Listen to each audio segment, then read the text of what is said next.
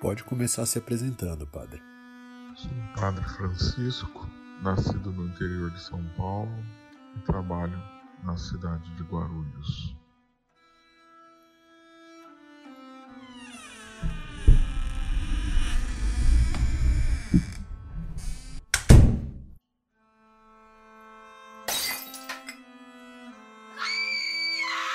Quem nunca sentiu um calafrio? Quem nunca ouviu o próprio nome ser chamado? Ou teve a sensação de estar sendo observado? Ou acordou com um barulho estranho? Padre, qual a diferença entre fantasmas e demônios? Nós, católicos, não acreditamos em fantasmas. Aquilo que existe no imaginário popular, isto não existe. Isso a Igreja Católica não acredita. Os demônios já existem, são seres angélicos que se afastaram de Deus.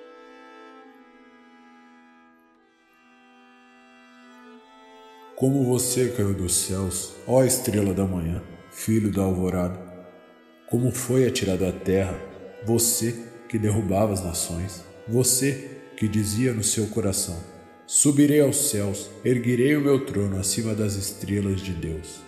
Eu me assentarei no monte da Assembleia no ponto mais elevado do Monte Santo. Subirei mais alto que as mais altas nuvens, serei como o Altíssimo, mas às profundezas de Sheol você será levado, irá ao fundo do abismo. Isaías 14, 12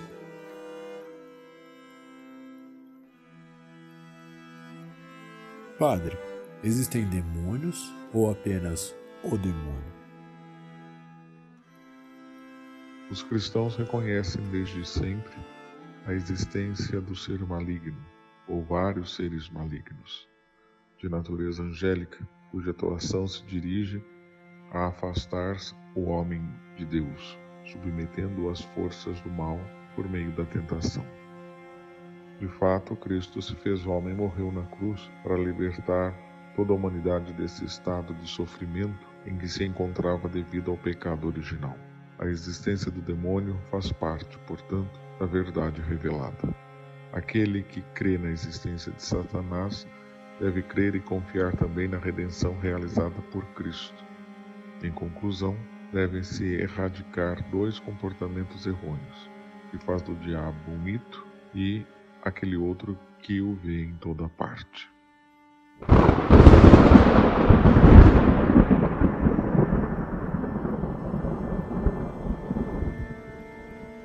Houve então uma guerra nos céus.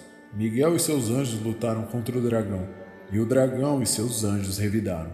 Mas estes não foram suficientemente fortes, e assim perderam o seu lugar nos céus. O grande dragão foi lançado fora. Ele é a antiga serpente chamada Diabo ou Satanás, que engana o mundo todo. Ele e seus anjos foram lançados à terra. Apocalipse 12, 7 Padre, o senhor já teve alguma experiência sobrenatural? Eu nunca tive, nesse aspecto, nenhuma experiência sobrenatural.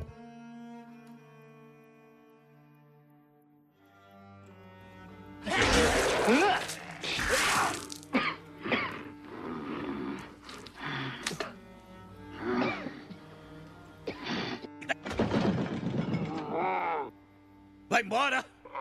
Em nome do Pai! Do Filho e do Espírito Santo, com este sinal da Sagrada Cruz de nosso Senhor Jesus Cristo, que vive e reina com o Pai e o Espírito Santo. Damien! Amém. Os filmes de terror têm se tornado cada vez mais explorados, mas fica claro o que realmente vende e faz sucesso são cenas de possessão e demônios. O que o senhor acha sobre os filmes de hoje?